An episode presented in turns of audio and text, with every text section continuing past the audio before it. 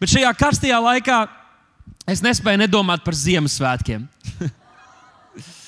Cik daudz jūs esat iedomājušies par Ziemassvētkiem, par Kristus dzimšanas dienu? Uh, es atceros bērnībā, kad uh, mēs visi radi sanācām kopā, un, un tad īpaši mazākie bija ļoti centīgi sagatavojušies un mācījušies dzējoļus un kādus priekšnesumus, uh, lai saņemtu dāvanas. Jo, nu, protams, ka tev tāpat patīkami ir uzstāties, bet vēl papildus motivācija ir, ja tu saņem arī kādu dāvanu. Un, tā nu tie bērni, nu, cik daudz jūs esat to piedzīvojuši? Vai, vai nesen vēl paši mācījāties nākamajam uh, Ziemassvētku laikam, uh, un lai saņemtu dāvanas. Tad tie bērni iziet priekšā nedaudz satraukušies, un, un, un viņi, viņi grib sākt to dzējolīti skaitīt, un viņi aizmirst pēc trešā vārdiņa, viņi aizmirst, kas bija tālāk.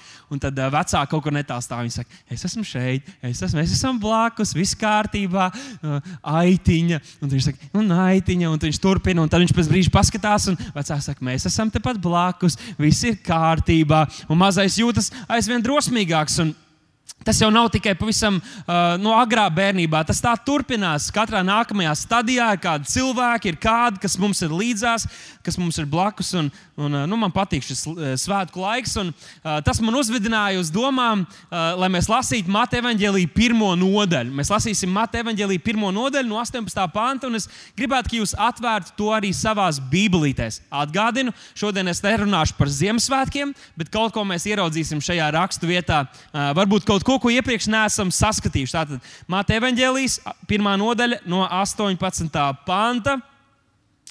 Uh, un tur mēs lasām kopā, kas jau esat atvēruši, var lasīt kopā ar mani. Tur ir rakstīts, bet Jēzus Kristus piedzimšana notika tā. Es lasīju, un es domāju, wow! Jo Jēzus Kristus piedzimšana nebija nekas tāds ikdienišķs. Tā ir viena no brīnumainākajām lietām vai parādībām, kāda jebkad pasaules vēsturē notikusi. Un šeit Matejs raksta, es jums uzrakstīšu, šis brīnums notika tā. Par to domājot, es saprotu, ka jebkas, kas mūsu dzīvēm notiek, ko mēs vēlamies saņemt, vai ko esam piedzīvojuši, vai tas būtu dabīgs vai pārdabisks, tam visam ir kaut kāds nu, racionāls veids, vai kā mēs to varam izskaidrot, kā tas ir noticis. Bieži tas nenotiek vienā un tajā pašā veidā. Visbiežāk tas notiek atšķirīgi, kā mēs to saņemam, bet atskatoties atpakaļ, vai vismaz debesīs, mēs varēsim redzēt, tas notika tā, tad Dievs tur izdarīja to, tad tas sakārtojās tā, tur tas tur notika tā, un tā radās brīnums. Šis pārdabiskais brīnums, kas notika tajā laikā, Matejs raksta, tas notika tā. Un līdzīgi arī mēs varam teikt, es piedzīvoju glābšanu, un tas notika. Tas notika tā, es saņēmu dziedināšanu, un ļauj man te pastāstīt, tas notika tā. Mums vajadzētu dalīties ar šiem stāstiem, jo Tie var iedvesmot citu cilvēku ticību, un tie var atnest cerību citiem cilvēkiem, lai tie saņem to, ko Dievs viņiem ir sagādājis savā dievišķajā pilnībā. Un uz to Dievs mūs aicina. Lietot ticību. Atcerieties, ko mēs runājām pagājušajā svētdienā. Lietot ticību nevis lai panāktu, ka Dievs kaut ko dara mūsu labā, bet lai saņemtu to, ko Dievs jau ir izdarījis mūsu labā, mēs lietojam ticību, un tad mēs varam dalīties arī ar citiem. Tas notika tā. Mums pašiem nav jābūt uh, šokā, ka tas ir nostrādājis. Mums pašiem nav jābūt nesaprašanā, kā, kā tas varēja piepildīties. Mēs varam stāstīt, es pieskāros Jēzus šeit te, uh, apģērba drānas malai, un es saņēmu dziedināšanu. Tad tā sieviete gāja un dalījās ar citiem cilvēkiem, un arī viņi to pēc tam tādā pat veidā piedzīvoja. Labi, lasām, bet Jēzus Kristus piedzimšana notika tā, kad viņa māte Marija bija sadarbināta ar Jāzepu. Notika pirms tie nāca kopā, ka viņa kļuva grūta no svētā gara. Kad mēs tā apgarot lasām šo notikumu, mēs domājam, wow, cik skaists notikums, bet ja mēs padomājam no Jāzepa perspektīvas, Nekur nav rakstīts, ka viņam kāds eņģeļs, eņģelis parādībā būtu par to brīdinājis, būtu viņam kaut ko teicis, tā kā laulātie. Ja jūs domājat, ka jūs ejat cauri kaut kādiem pārbaudījumiem un grūtībām savā laulībā, šeit Jāzeps īsi pirms kāzām uzzina, ka viņa sieva ir stāvoklī. Bet viņi tam tika cauri. Un labā ziņa ir tāda, ka Bībelē mums skaidri atklāja, ka, tā, ka Marija bija vienīgā sieviete, kurai bija tāds aicinājums, vai arī vīrietis. Nevienam citam nav ar tādām lietām jānodarbojas.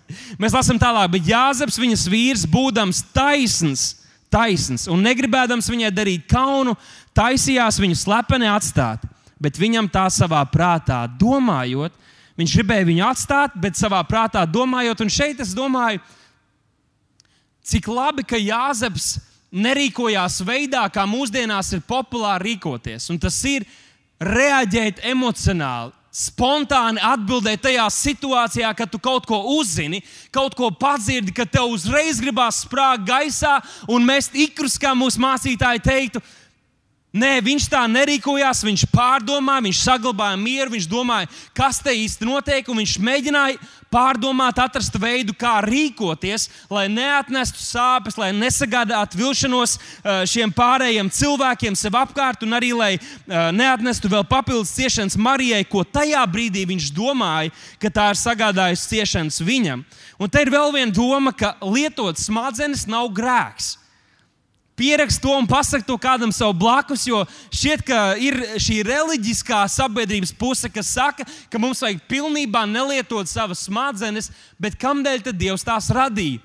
Ja mums smadzenes nav jālieto, Dievs grib, lai mēs lietojam savas smadzenes un bieži Bieži mūsu dzīves situācijās, grūtībās, izaicinājumos Dievs mums dos gudrību, bet ja mēs nelietojam savas smadzenes, tad Dievam ir grūti iedot mums šo gudrību, pārdabisko gudrību situācijās, kur Viņš gribētu, lai mēs tā, līdz tām nonākam ar pārdabisku gudrību, bet arī ar savu intelektu, ar savu saprāšanu, ko Dievs grib mums dāvināt un bagātināt mūsos. Tā kā lietosim savas smadzenes, lai Dievs var uh, lietot uh, un darboties arī caur to, caur mūsu domām un saprāšanu. Un, protams, bieži Dievs grib mūs vest, darīt lietas, kuras ir pār tam, ko mēs varam saprast. Tad mums vienkārši jāļaujas ticībā, kur, kur Dievs grib mūs, uh, kur Dievs grib mūs, grib būt, uh, grib mūs vadīt. Bet tas, ko mums ir jāsaprot, ir, ka mūsu ticība nav, uh, nav vienkārši uzticēšanās kaut kādai, kaut kādai domai, kura nav atspēkojama.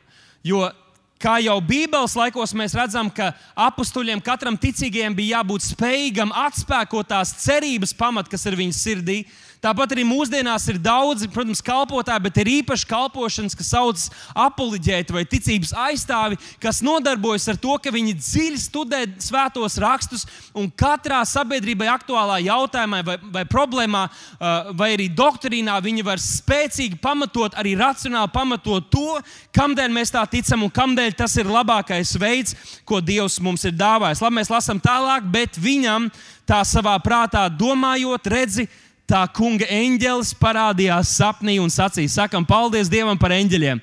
Ko? Paldies Dievam par eņģeļiem! Eņģelis parādījās un sacīja: Jāzep, tu Dāvida dēls, nebīsties! Jāzep, tu Dāvida dēls, nebīsties! Viņš atnāca un pirmais, ko viņš saka, ir nebīsties. Es zinu, ka mūsu mācītājs ir vairāk kārt sludinājis par to, ka mums nebūs bīties, mums nebūs baidīties tam dēļ, ka bailes mūs paralizē. Kad mēs ļaujamies bailēm, tad tās paralizē mūs un mēs nespējam tikt ārā no kādreiz tāda apburtā loka. Ja mēs ļaujam bailēm kontrolēt mūs, dominēt pār mums, pār mūsu domām, tad mēs netiekam uz priekšu tam dēļ. Eņģelis atnāk un saka, vispirms nebīsties, vispirms nebaidojies, bet tā nav vieta, kur viņš apstājās. Jo, ja Dievs mums vienkārši teikt visādās situācijās, nebaidies, nebīsties, tad būtu diezgan sarežģīti, jo, nu, nu, labi, es centīšos nebaidīties, bet problēma ir milzīga man priekšā, un bailes man sirdī ir. Es kā cīnos ar bailēm, bet tas netiek tām pāri. Tādēļ Dievs uzreiz savu šo eņģeli runā un saka viņam, ko viņam būs darīt. Tātad nebīsties, bet ņem Mariju par savu sievu.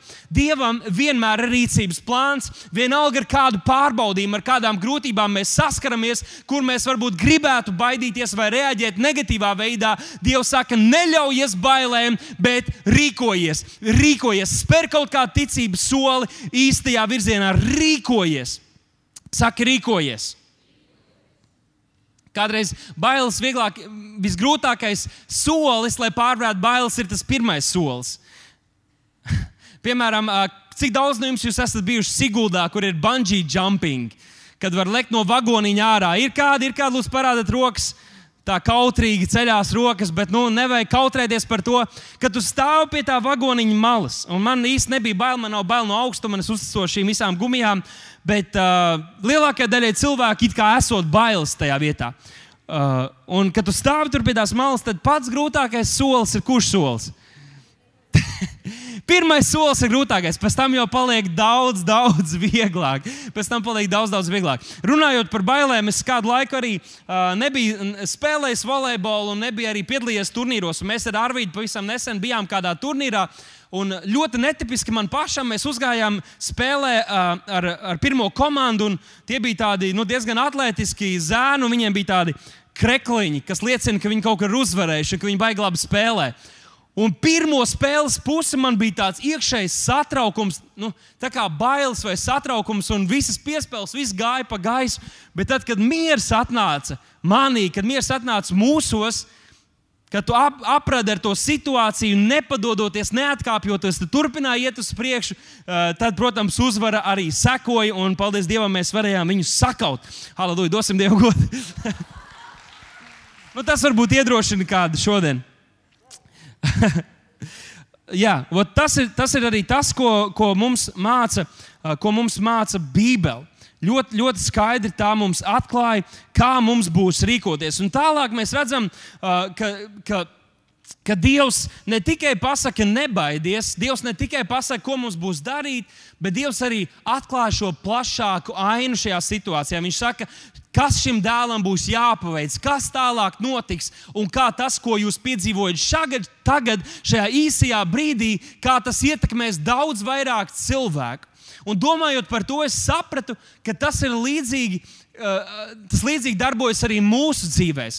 Tas, kam mēs ejam cauri, tas, ko mēs piedzīvojam, var būt kārdinājums mums justies, ka tas notiek tikai ar mums un ka tas skar tikai un vienīgi mūs, bet tam ir daudz lielāka ietekme. Viena šodien jau pieskārās šai tēmai, kas ir ietekme tam, ko, kam, tām cīņām, kuras mēs uzvaram, tam pārbaudījumiem, kuriem mēs izējām cauri, tam ir daudz lielāka ietekme, daudz vairāk cilvēku nu, ar to tiek ietekmēti, daudz vairāk cilvēku tiek svētīti. Ir spēki, kas cīnās par mums. Katrā tajā situācijā ir spēki, kas cīnās, garīgi spēki, kas cīnās par mums. Viena cīnās, lai mūs pazudinātu, otra cīnās, lai mūs izceltu un lai mēs izietu uzvarā.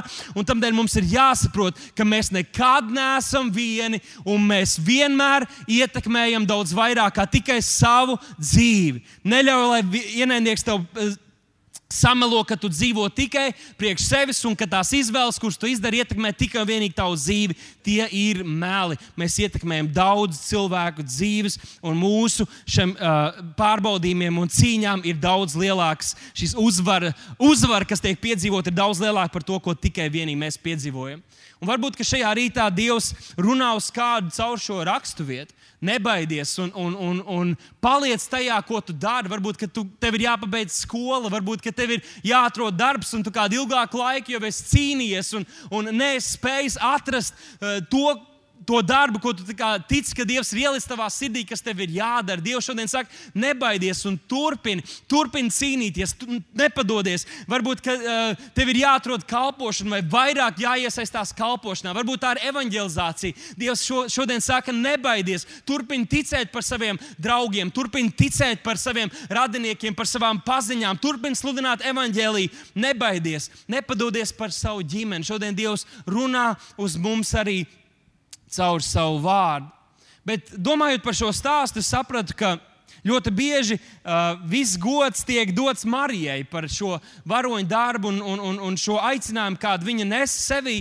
Bet tad mums jāsaprot, ka arī Jāzeps, arī viņam bija sava daļa visā šajā piedzīvojumā. Protams, tas nevienam nav nekas jauns, un tomēr, uh, jo Marija tapa grūta, Bet Jāzepam bija jāpieņem šis bērns, viņam bija jāpaliek kopā ar viņu. Marijai bija jāiznēsā Jēzus, bet Jāzepam bija jāiznēsā visa ģimene, bija jāuztur šī ģimene, un arī Marija un Mazulis jāgādā par viņiem. Marijai bija jādzemdē Jēzu, bet mēs jau lasījām, ka Jāzepam, Jāzeps bija tas, kuram bija jādod vārds Jēzum. Katram bija sava loma un katram bija savs uzdevums šajā stāstā. Un vienalga, kādā savas dzīves sezonā tu esi nācis pie Kristus, vai varbūt tu nāc pie Kristus, varbūt tu visu savu dzīvi esi izniekojis un, un tev šķiet, ka nu, viss ir palaists garām, tad es gribu tev šodien iedrošināt. Vienalga, kurā situācijā savas dzīves brīdī tu nāc pie Kristus, viņam ir uzdevums priekš tevis un ir kāds specifisks aicinājums,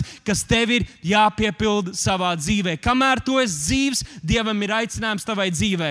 Kamēr tu esi dzīves, Dievam ir uzdevums priekš tevis, kas tev ir jāizdara, un tas ir daudz lielāks par to, ka tev ir jānopelna nauda, lai tu varētu samaksāt īri nākamajā mēnesī, vai lai tu varētu savu pabarot. Tas ir kaut kas daudz lielāks un grandiozāks par to un ja mēs pazīsim viņu, ja mēs ilgosimies pēc viņa, tad mēs to piedzīvosim.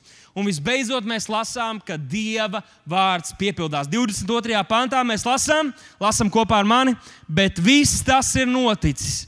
Lai piepildītos, ko tas kungs ir runājis caur praviešu muti, sacīdams, redzi, jaunava būs grūta un dzemdēs dēlu, un viņa vārdu sauks Immanuēls tulkojumā, tulkojumā, ko Jēzus savā vēstulē mums neatklāja šo tulkojumu. Tur vienkārši parādās vārds Immanuels, bet tulkojumā mēs šodien varam lasīt, šis vārds ir Dievs ar mums. Un tas ir tas, par ko es vēlos šodien runāt. Dievs ar mums. Pasaka kādam, Dievs ir ar tevi. Dievs ir ar tevi.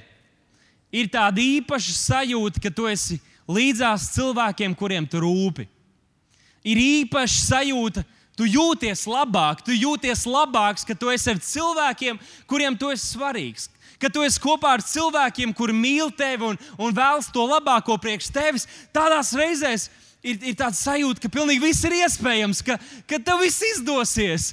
Un tad tu atgriezies ikdienā, kur apkārt ir cilvēki, kas varbūt šņuks, tu rābaks ar pirkstiem, un tu atkal jūties nedaudz aplaupīts. Bet mums tā patīk būt ar kādiem, kur, kuriem mēs nozīmējam daudz, kur, kur, kur, kur, kuriem mēs esam svarīgi, un Dievs ir ar katru no mums. Bet es domāju par šiem vārdiem. Dievs ar mums, Dievs saka, es esmu ar tevi, es esmu ar tevi. Un es sapratu, ka šie vārdi, es esmu ar tevi, kaut ko nozīmē tikai tad, ja viens vai abi šie, šie tādi, šīs puses vai, vai, vai kvalitātes piemīt šai personai, kas šaka, saka šos vārdus. Un pirmais ir, ka šai personai rūp, kas notiek ar mani. Tikai tad man tas kaut ko nozīmēs, ka tu teiksi, ka tu esi ar mani, ja es zināšu, ka tev rūp tas, kas notiek ar mani. Un otrā, otrā šī kvalitāte ir tā, ka ja es zināšu, ka tu zini, kas ir jādara, un tu to proti izdarīt.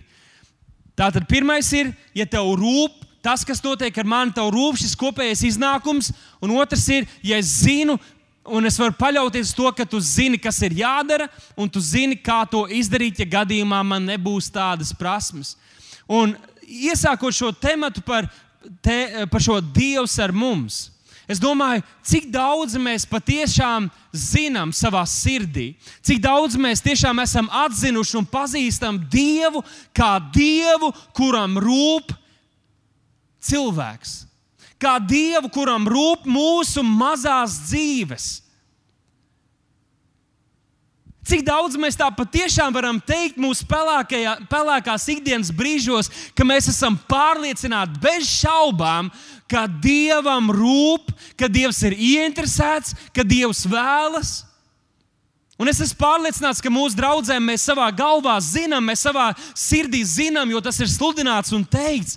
Bet vai mums ir šī vārda atklāsme mūsu sirdī, ka vienalga, kas arī notiek, vienalga, kā mēs jūtamies, vienalga, ko cilvēki saka, mēs zinām, ka Dievs vēlas, ka Dievs ir ieinteresēts, ka Dievs grib, lai mēs esam svētīti, lai mums viss izdodas.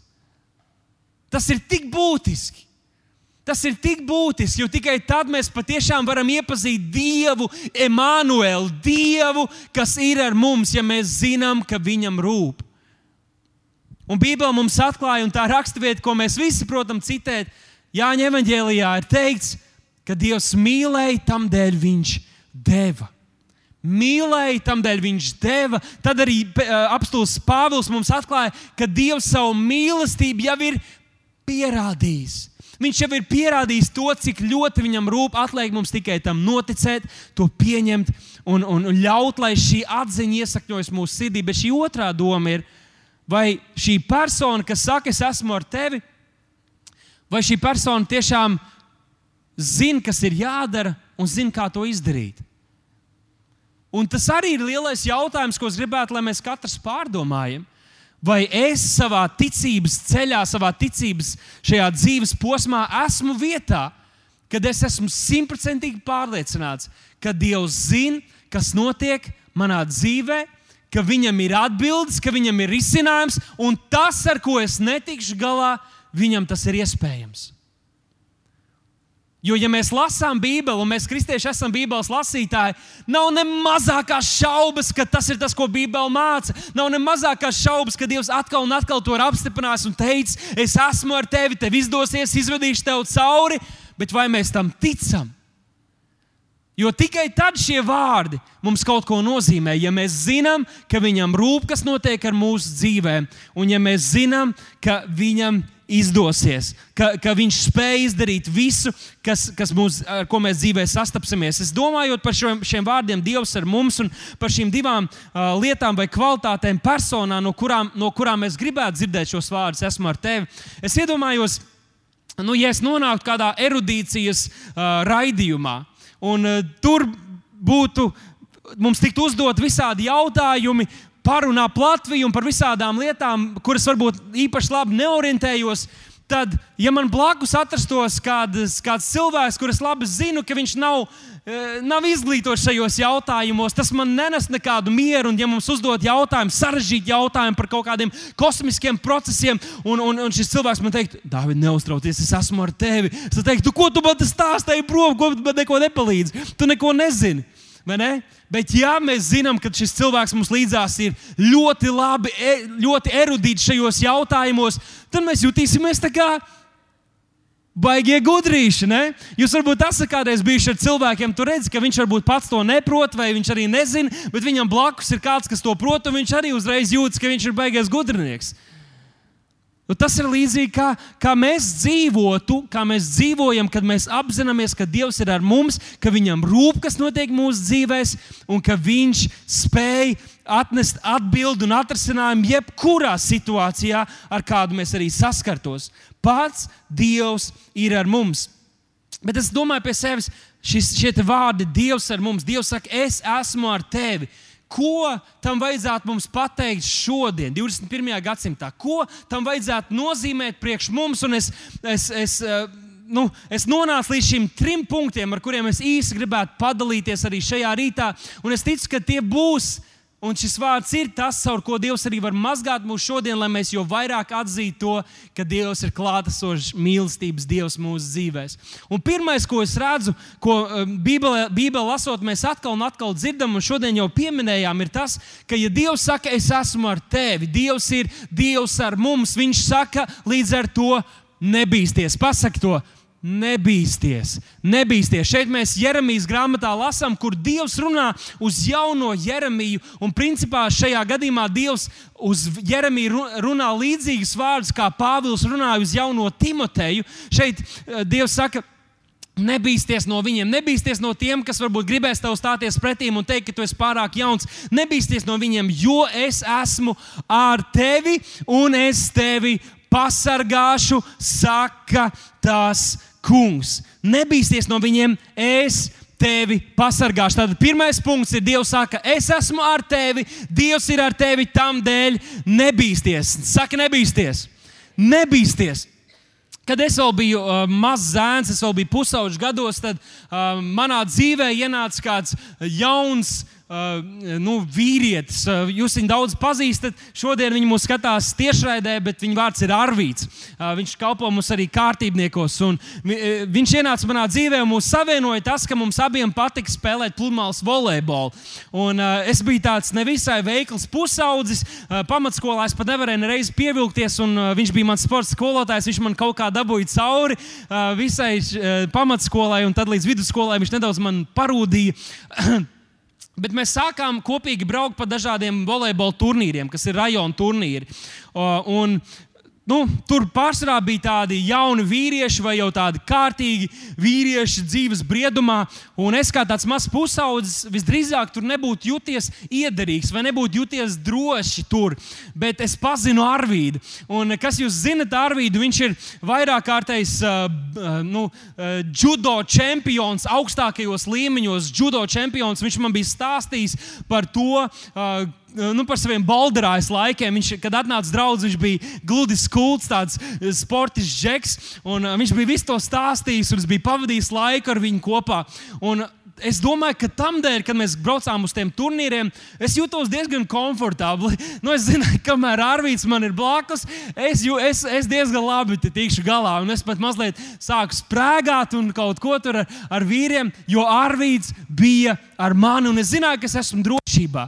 Draugi, vienalga, cik tie cilvēki mums apkārt ir pieredzējuši un stipri un spēcīgi, Dievs ir visu varens Dievs.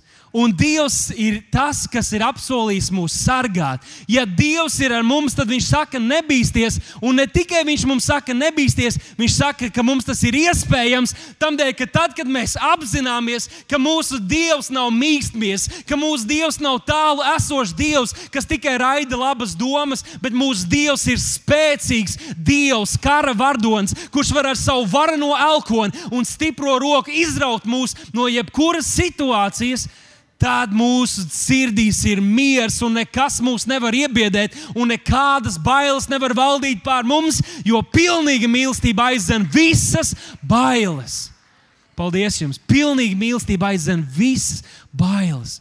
Dievs ar mums nebīsties, nav pamata baidīties. Vienalga, kas stāv tev pretī, vienalga, kāda cilvēka vai kādas situācijas būs tavā priekšā, tev nav pamata baidīties, jo tev blakus ir ārvīts. Nē, tev nav ārvīts blakus, tev blakus ir Dievs. Visuvarens Dievs, visuvarens Dievs, Viņš ir spēcīgs. Un mēs redzam, ka Nebīsties, šis vārds nebīsties runā par apsardzību. Tātad pirmais, Dievs ar mums, Viņš ir apsolījis mums apsardzību, Viņš ir mūsu sargs, Viņš mūs sargā. Un šeit es tikai dažas raksturvietas gribu nolasīt, kas ir kā apsolījumi, kurus katrs no mums arī varam ielikt savā dārguma krātuvē un stāvēt uz tiem un ļaut, lai tie mums dod ticības drosmi. Pirmais, mēs redzam, ka otrā mūža grāmatā, 23. nodaļā, 20. pantā, Dievs saka, saka redzi, es sūtu eņģeli tavā priekšā, kas tevi pasargās šī ceļā un tevi novedīs tajā vietā, ko es tev esmu sataisījis. Cik daudziem Dievs kaut ko ir runājis par jūsu nākotni, par kaut ko, kur Dievs jūs grib aizvest, kur Dievs jūs vada. Dievs saka, es sūtu eņģeļus tavā ceļā, viņi jūs pasargās un viņi pārliecināsies, ka jūs aiziesiet uzvarā līdz manai apsolītajai vietai. Slāva Dievam! Slāva Dievam! Dosim aplausu Dievam! Halleluja!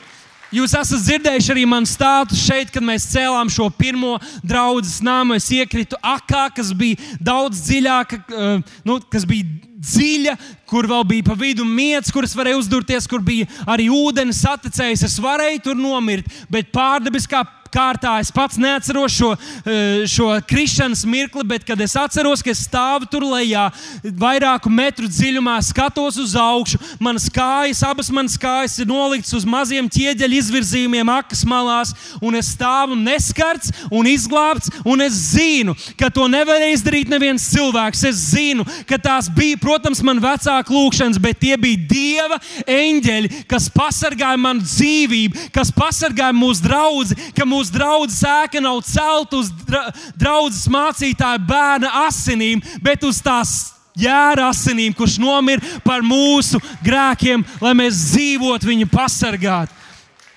Dievs ir tas, kas mūs pasargā. Otrā Thessaloniķiešiem 3.3 ir teikts, tas kungs ir uzticams, viņš jūs darīs stiprus un pasargās no ļauna vai pasargās no ļaunā. Es gribu, lai jūs pamanāt, ka šeit rakstīts, ir, ka viņš darīs jūs stiprus. Saki, mani stipru!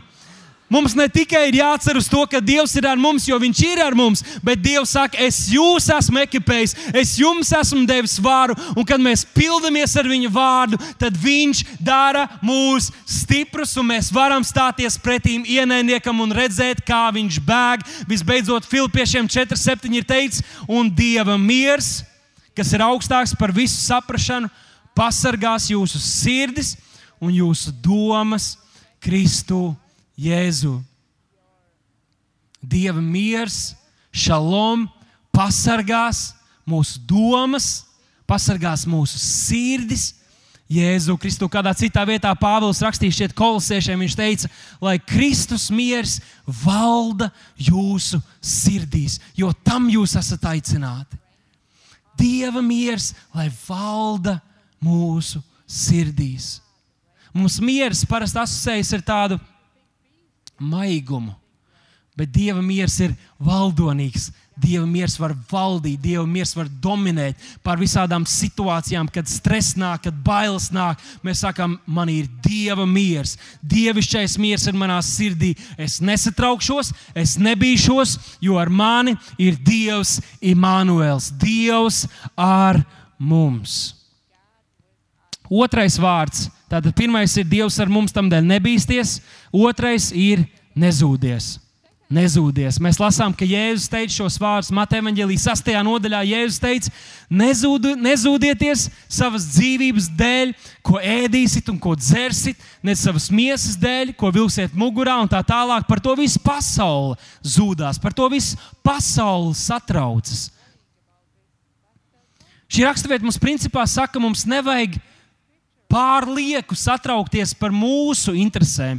Tiekties tikai, lai mums ir labāk, lai, lai, lai mēs esam aprūpēti, mēs varam dzīvot brīvāk, mēs varam dzīvot arī rūpējoties par citiem, dzīvojot arī ar dāsnu roku, ar dāsnu sirdi. Šeit vēlāk viņš saka, rekā Dievs rūpējās par putniem gaisā, par dzīvniekiem laukā, vai tad jūs nesat daudz vērtīgāki Dievam? Šo pasauli Dievs ir radījis priekš mums, šie dzīvnieki, šī daba. Tas viss ir radīts priekš cilvēku, lai mēs varētu dzīvot un redzēt Dieva roku darbus. Bet mēs, draugi, esam izredzēta tauta, ķēnišķīgi priesteri, lai mēs dzīvotu sadraudzībā ar viņu. Par neko citu šajā pasaulē nekas tāds nav teikts. Tādēļ, redzot to, kā Dievs rūpējas par dzīvniekiem laukā, par putniem gaisā, nesatrauksimies un nebaidīsimies, ka Viņš nerūpētos par mums. Jo Viņš rūpējas, Dievs ir tāds Dievs, kas rūpējas par saviem. Un šeit es gribu padalīties ar kādu savas dzīves atmiņu. Kad es vēl biju mazs zēns, un šīs atmiņas jau man ir sēlas, eh, tālu, tālu palikušas manā pagātnē, knapi, vai es atceros, kā tur jaunībā gāja, bērnībā. Mēs reiz reizē izbraucām, jo mēs dzīvojām mazā dzīvoklītī. Tad, kad bija kāds brīvāks laiks, vasara, vecāki centās mūs kaut kur aizvest, lai mēs kaut ko redzam un kaut kur esam svaigā dabā, brīvdabā. Un es atceros, ka, ka es devos šajos ģimenes izbraucienos, es pilnībā nebiju satraucies. Es varbūt satraucos, ka Walters vai Kiti ieņems man mīļāko vietu mašīnā vai tramvajā, vai es nezinu, ko mēs tajā laikā braucām.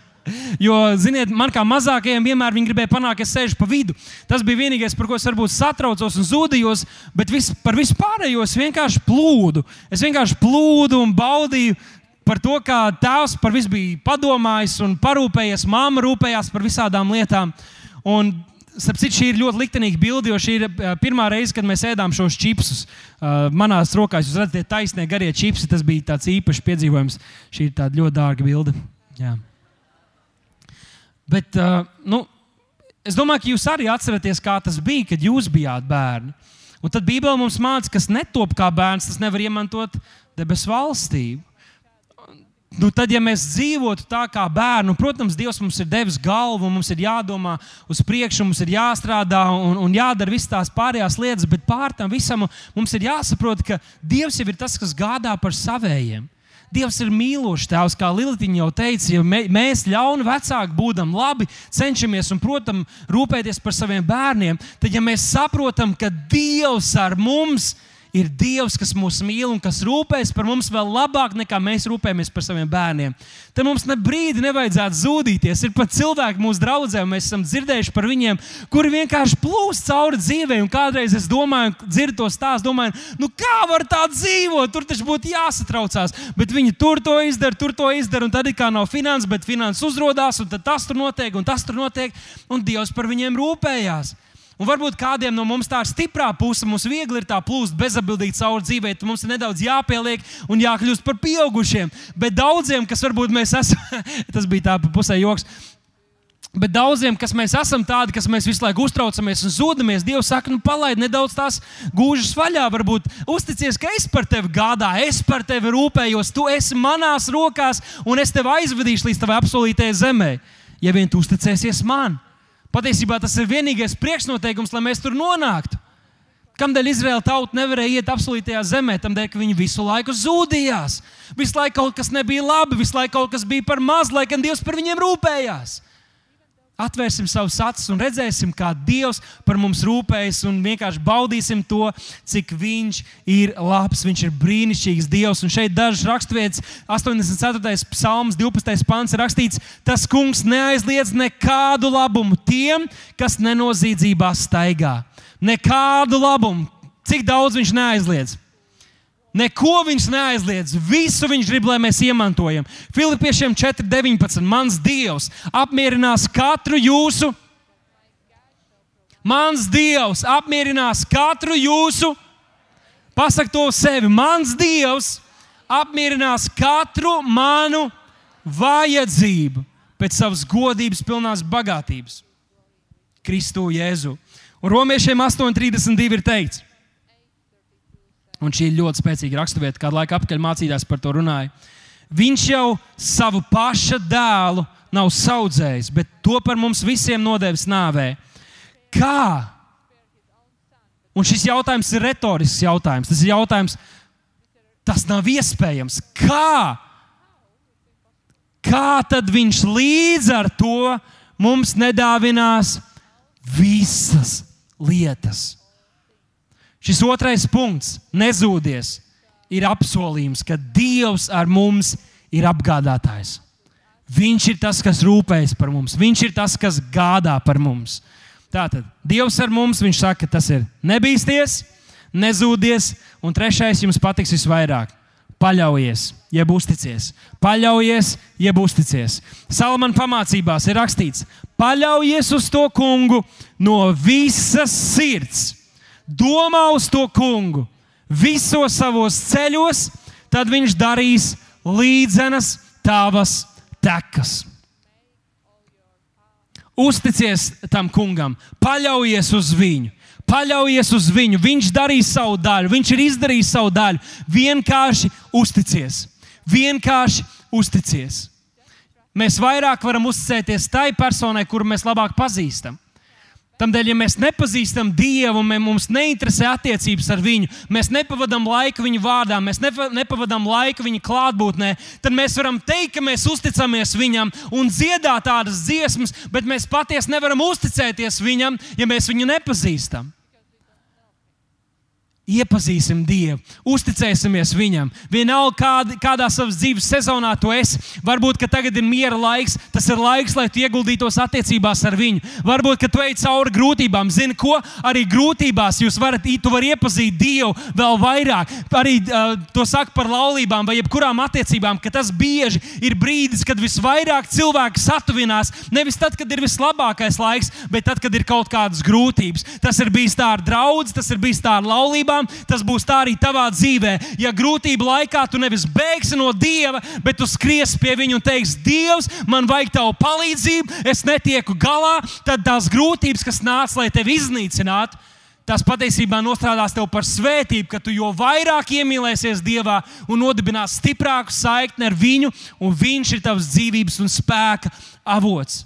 Dievs ir, Dievs ir. Mēs pagājušā nedēļā bijām ceļojumā ar, ar, ar, ar manu sievu Esteru un meitiņu Stefāniju. Tas bija pirmo reizi pēc ilgāka laika ceļojums, kad es neko nebiju gatavojies. Es pilnībā negatavoju, ne, neko neplānoju. Tādēļ, ka tur bija kāda ģimene, uh, kas dzīvoja tur Beļģijā. Jūs varbūt kādu viņu pazīstat, viņi tagad arī skatās, um, kur abi atsūtījuši brīnišķīgu plānu. Un tā nu Man ierast, ierastais, uh, mans ierastais plāns parasti ir viss izplānot un saprast, kur mēs kur darīsim, un tam līdzīgi, lai nekur nav nekāda apstāšanās un nav aizķeras. Bet uh, šoreiz es vienkārši aizbraucu Un es, es vienkārši uzticējos. Es vienkārši baudīju un, un plūdu. Un mēs braucām, kur viņi teica, tagad aizbrauksiet uz turieni, paskatīsieties to un to un to. Un mēs tā darījām. Tas arī bija, tas arī bija brīnišķīgi, ka tu vienkārši vari uzticēties un paļauties uz kādu, ka kāds cits ir izdarījis kaut kādu daļu, kas tev nav jādara. Draugi, Dievs ir izdarījis to, ko mums nav jādara un ko mēs nemaz nevaram izdarīt. Tādēļ vienkārši uzticēsimies Viņam, ka Viņš jau ir izveidojis plānu, ka Viņš jau ir sagatavojis visu, ka Viņš ir izdarījis darīs visu, lai mēs varam iemantot un vienkārši Dosimies šajā ceļojumā ar Jēzu. Teiksim, Tēvs, es pateicos Tev, ka es esmu tik brīnišķīgi radīts. Es pateicos, ka Tu man svētī, ka Tu man vadi. Lai gan tagad vasarā ir karsts, es pateicos, ka man viss šī sviedrēšanas sistēma ļoti labi strādā un es varu, ķermenis var atdzesēties. Es pateicos, ka Tu man dod gudrību, lai manā ikdienā es varu būt par svētību citiem cilvēkiem. Un tā ir bezpiep, tā, tās būs bezpiepūles pārmaiņas bezpiepūles pārmaiņas, izmaiņas savā dzīvē. Ja tu gribi transformēties, tu gribi mainīties viņa līdzjūtībā, tas nevienmēr ir ar spēku, tas nevienmēr ir vienkārši, nē, es to nedarīšu. Tas kādreiz ir vienkārši sakot, Dievs, es uzticos tev, es pateicos, ka tu esi izmainījis mani, ka es esmu pilnīgi cits cilvēks, ka es mīlu tā, kā nekad neesmu mīlējis, ka es esmu dziedināts. Un, lai gan man varbūt tagad sāp, es lēkāšu, ja pat man kāja ir lausta, es lēkāšu uz otras kājas, jo es zinu, ka man dziedināšana ir ceļā, ka tu to man esi dāvājis. Varbūt jūs atceraties, man bija lausta kāja, un man likās forši, ka es varēju uz vienas kājas lēkāt, jūs otru nevarēju pielikt pie zemes. Un tam man liekas, cik daudz mēs esam, kas mēs varētu neprātīgi slavēt to kungu un rabām kājām veselām, un tāpat nevaram atrauties no zemes, lai vienkārši pazemotos viņa priekšā, kā ķēniņš Dāvids, lai slavētu un dejotu visvarenā Dievu priekšā. Mums to vajadzētu darīt. Un tā tad uh, trīs raksturvietas, ko jūs arī varat pierakstīt mājās, vairāk pastudēt. Efeziešiem 2.10 ir rakstīts, jo mēs esam viņa darbs, Kristu Jēzu. Jo šis vārds paļaujies, tas mums atklāja to, ka Dievs ar mums, Viņš ir Dievs, kas līdzdarbojas mūsu dzīvēm, kurš ir iesaistīts, kas līdzdarbojas mūsu dzīvēm. Tātad mēs esam viņa darbs, Kristu Jēzu. Jāņa 15,5. Jēzus saka, es esmu vīna koks, un jūs esat tie zāri. Mēs esam tik ļoti savienoti un tik ļoti kopā ar viņu, ka viņš ir kā koks, un mēs esam viņa zāri. Un Jāņa 16,13 ir, ir teikts, Jēzus runā par patiesības garu, kas nāks un vadīs mūs visā patiesībā. Svētais gars ir tas, kas ienāca mūsu dzīvēm un vada mūs uz priekšu un vada mūs uzvarā. Un tā tad Dievs Dievs ar mums. Pirmais, nebīsties, Viņš tevi sargā. Otrais punkts, nezūdies, Viņš pats par tevi gādā. Un trešais ir paļaujies, jo Viņš ir ar tevi. Viņš nekad tevi neatstās. Vienalga, vai tu piedzīvo uzvaras, vai tu piedzīvo zaudējumus, vai tu piedzīvo sāpes vai priekus, Viņš ir ar tevi. Un viņš nekad tevi neatstās. Nekad, pasak to kādam, nekad. Dievs nekad tevi neatstās. Nekad. Nekad. Trīsvienīgs Dievs ir ar mums. Trīsvienīgais Dievs ir mums.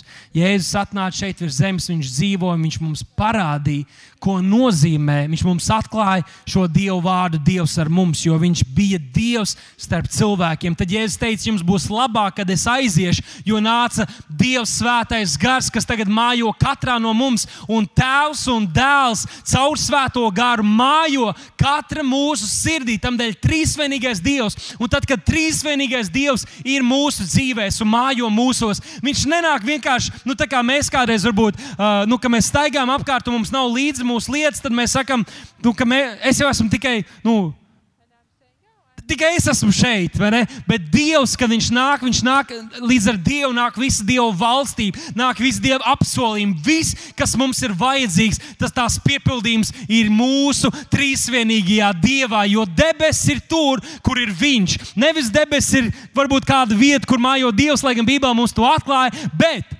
Tāpat debesis ir Dievā. Ne, arī Dārvids teica, tāpat mēs dziedam, ja mums nevajag debesis, jo tu tur neesi. Jo, vieta, jo debesis ir vieta, kur ir Dievs. L ir vieta, kur Dieva nav. Debesis ir vieta, kur Dievs ir. Ja Dievs ir mūsos, tad debesu valstība ir mūsos. Tad viss, ko Dievs ir sagatavojis priekš mums, tas mums ir pieejams. Mēs varam to baudīt, un tas ir kaut kas brīnišķīgs. Un es gribētu noslēgt ar šo raksturvietu, uh, 139. psalmu, kur Bībele mums atklāja to, cik Dievs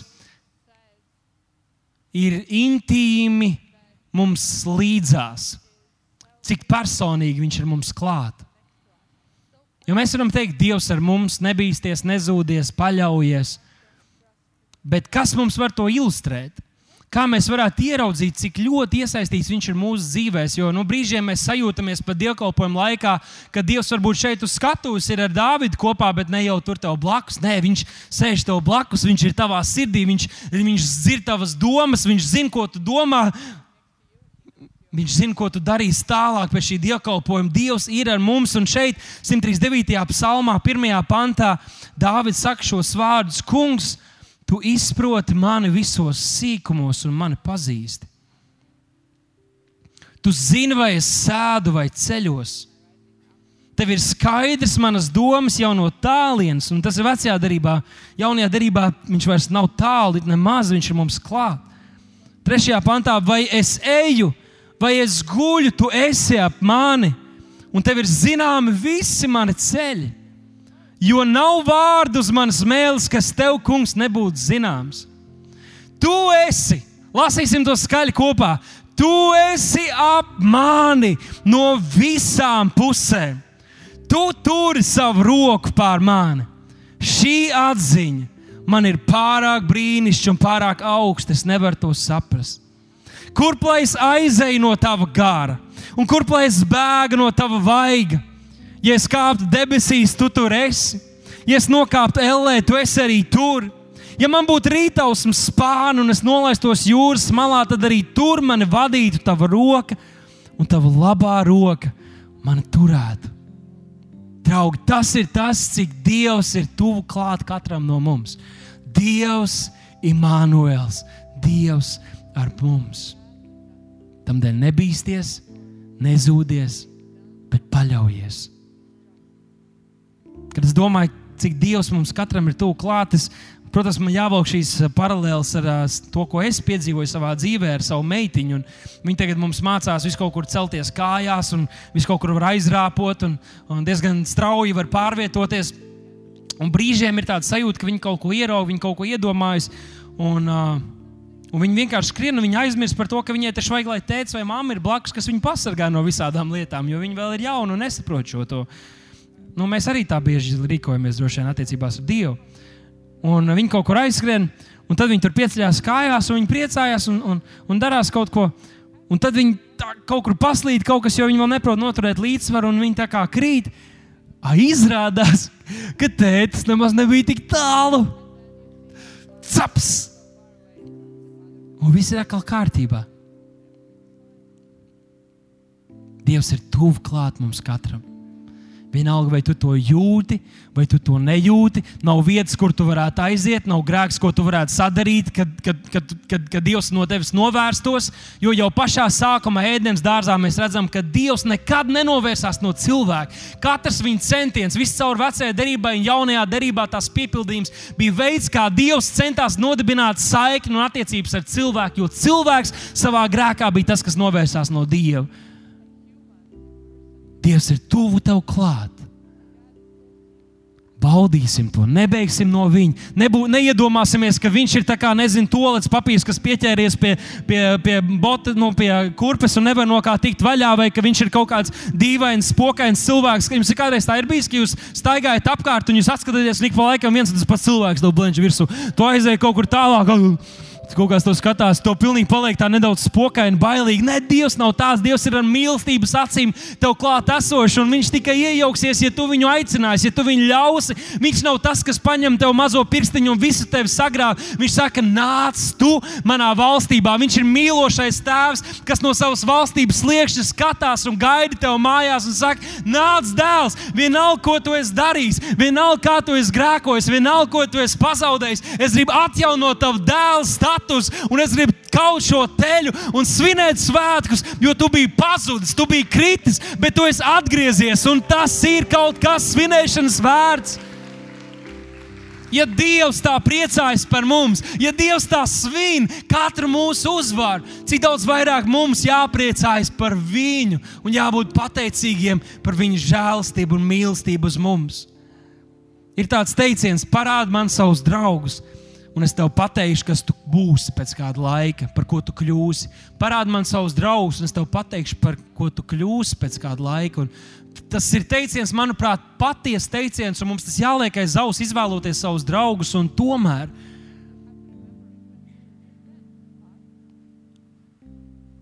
Dievs sev ir atklājis ar vārdu Dieva draugs, cilvēku draugs, ka Dievs ir cilvēku draugs. Viņš ir mūsu draugs. Viņš ir mūsu draugs, viņš ir Dievs ar mums. Tas, kas mums ir vistuvākais. Ne mūsu dzīves draugi, ne mūsu ģimenes locekļi vai citi cilvēki nekad nebūs.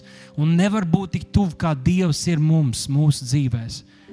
Dievs ir mūsu draugs.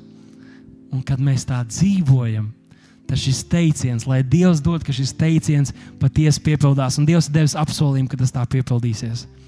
Ja Viņš ir mūsu labākais draugs, Ja es varu teikt par tevi, ja tu vari teikt par sevi, mans labākais draugs ir Jēzus Kristus, ir dzīvais Dieva dēls, tad tas ir tas, par ko tu kļūsi. Lai gan savā iekšienē tu jau esi Kristum līdzīgs pilnībā, tad arī tavā ārienē un visi tie tavi vājumi un kļūdas, mūsu kļūdas un vājumi, tie mainīsies viņa līdzībā, līdz mēs būsim pilnīgi, bez traipa un bez krunkas, kā Dievs to ir paredzējis.